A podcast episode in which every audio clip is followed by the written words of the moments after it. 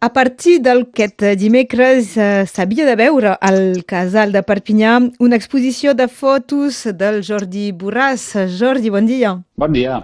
Les fotos les tenim aquí, les tenim a Perpinyà, fins i tot estan penjades, però malauradament eh, no es podrà obrir al públic degut a les restriccions lligades a, a la Covid-19. Potser, potser si torna a obrir ens les deixaràs veure un, després d'aquest eh, nou confinament tractava dels moviments d'extrema dreta. És un, és un tema que vas uh, seguint eh, al llarg de, de la teua carrera com a fotoperiodista?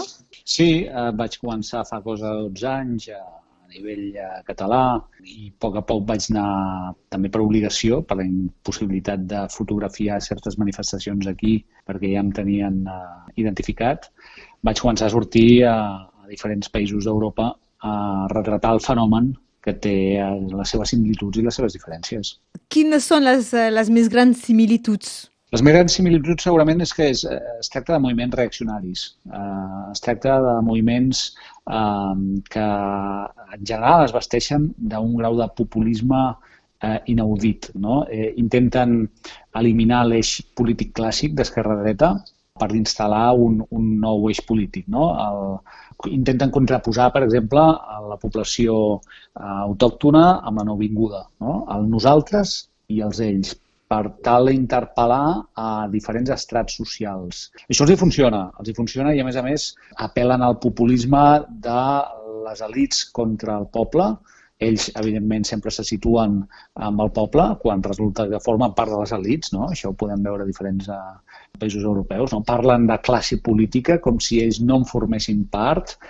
Això són, són en general, uh, similituds que trobem en els diferents països on l'Europa d'Europa on l'extrema dreta és, és un problema creixent.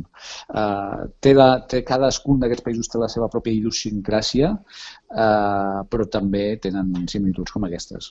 I pel que fa a les diferències, potser és mm -hmm. més afirmar o no uh, l'identificació, no sé, per exemple, veure banderes uh, amb la creu gamada o coses de...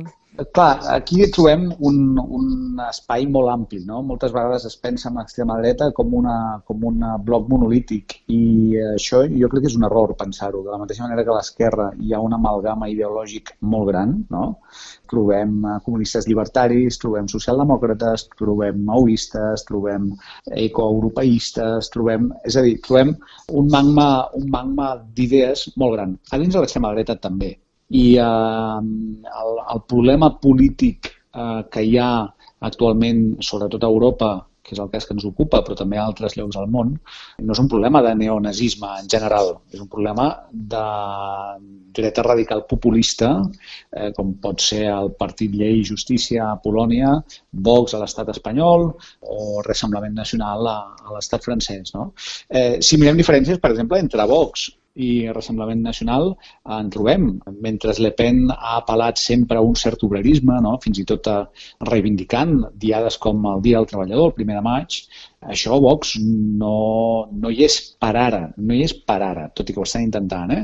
sinó que Vox és clarament de facto una decisió del Partit Popular, no? tant Santiago Bascal, el seu dirigent, com Aleix Vidal Quadres, el primer candidat que va tenir els europeus, venien directament del Partit Popular, com molts dels seus eh, càrrecs, regidors i eh, càrrecs intermitjos, eh, venen del PP. Per tant, estem parlant d'una dreta carrinclona, clàssica, elitista, econòmicament molt ben posicionada, que no anirà a reivindicar depèn de quins discursos. Això està canviant perquè des de fa uns mesos eh, Vox mateix ha impulsat un sindicat que es diu eh, Solidaritat, inspirat precisament amb el, amb el sindicat Solidaritat eh, polonès, històric. Fins i tot li ha copiat la tipografia eh, i de fet és el seu referent. Eh, el referent eh, de Vox és uh, l'extrema dreta polonesa, a diferència uh, de, per exemple, en lloc d'agafar com a referent al Front Nacional uh, Sí, perquè quan, quan parlava de simbologia és perquè justament sí. el Rassemblement Nacional, per exemple, a cap dels seus mítings es veuran, no sé, mans aixecades i, i salutacions nazis, que això s'ha pogut veure a, a Vox.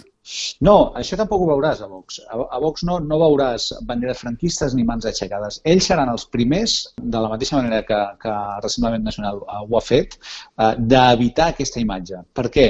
perquè han après, finalment, que si agafes un cert grau, ells n'anomenen Eh, des del punt de vista teòric, d'autonomia històrica, tens molt més a guanyar que no pas a perdre. És a dir, ells no reivindicaran el passat franquista, però és que tampoc en renegaran, de la mateixa manera que la, la Marine Le Pen va tenir uh, les seves desavinences amb el seu pare per mostrar simpaties amb els col·laboracionistes no? i, i uh, negar l'Holocaust. Uh, clar, ells saben perfectament que mostrar simpaties per un règim genocida uh, resta i no suma.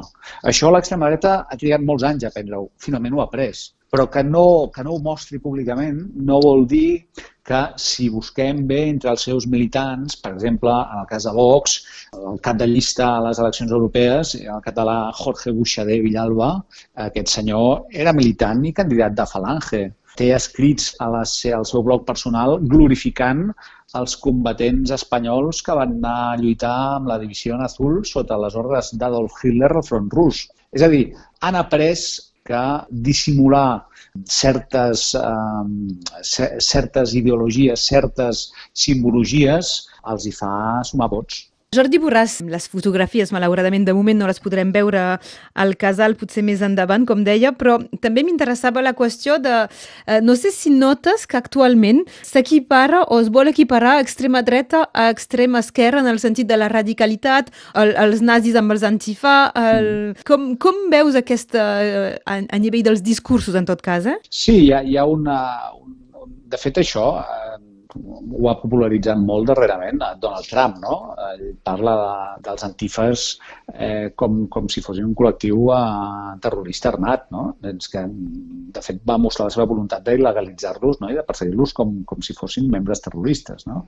I sempre es parla, no?, de, eh, a l'altra banda, no?, d'uns i altres. Eh, és un discurs pretesament liberal, que en té molt poc de liberal i que precisament és el discurs que blanqueja millor l'extrema dreta avui en dia, qualsevol persona que es declari demòcrata s'ha de declarar, per conseqüència, antifeixista, perquè el feixisme, totes les seves derivades, és l'enemic més gran de la democràcia. És tan senzill com això. I si no, que repassin què va passar l'any 45 no? i com, pels algoritmes històrics que siguin, eh, finalment eh, tot el que hi havia a l'altra banda dels feixismes d'entreguerres va haver de posicionar-se i lluitar contra ells, perquè eren o nosaltres o ells.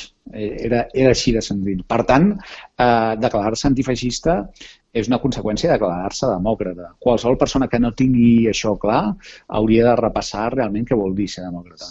És que encara tenim exemples de les contramanifestacions del País Valencià, per exemple, que acaben amb, amb detinguts. Fins a on eh, s'arribarà?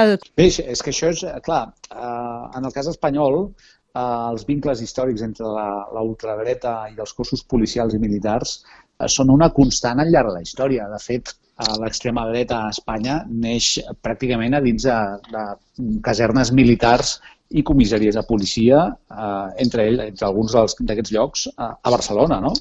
on eh, militars espantats per l'auge del catalanisme van començar a combatre al carrer amb bastons i amb pistoles contra aquells, aquelles manifestacions catalanistes recordant el desastre de Cuba. No? Vam tenir una mostra. A l'operació policial que es va fer a Catalunya eh, rebia el nom de l'operació Volhov. Volhov resulta que, que és el nom de l'operació de la Guàrdia Civil per detenir independentistes i Volhov no va ser altra cosa que una batalla de l'edició azul eh, sota les ordres d'Adolf Hitler contra les tropes soviètiques. No? És a dir, en ple segle XXI, a l'any 2020, sota el govern progressista de Pedro Sánchez i Podem, resulta que la Guàrdia Civil i el jutge posen un nom d'una batalla que van lliurar els eh, nazifeixistes espanyols contra els russos per detenir independentistes. Eh, clar, això és, és una mostra de com actua la policia i com actuen els militars davant del que ells consideren el seu enemic i el seu enemic, evidentment, a banda de l'independentisme, també és l'antifeixisme. En tindríem per, per parlar hores i hores, potser una, una altra vegada que si vens a, a parlar d'aquesta exposició que de moment no es podrà veure, però avui en volíem parlar a distància amb el Jordi Borràs. Moltes gràcies, Jordi. Gràcies a vosaltres, un plaer com sempre. Fins, Fins aviat, aviat, adeu. Adeu.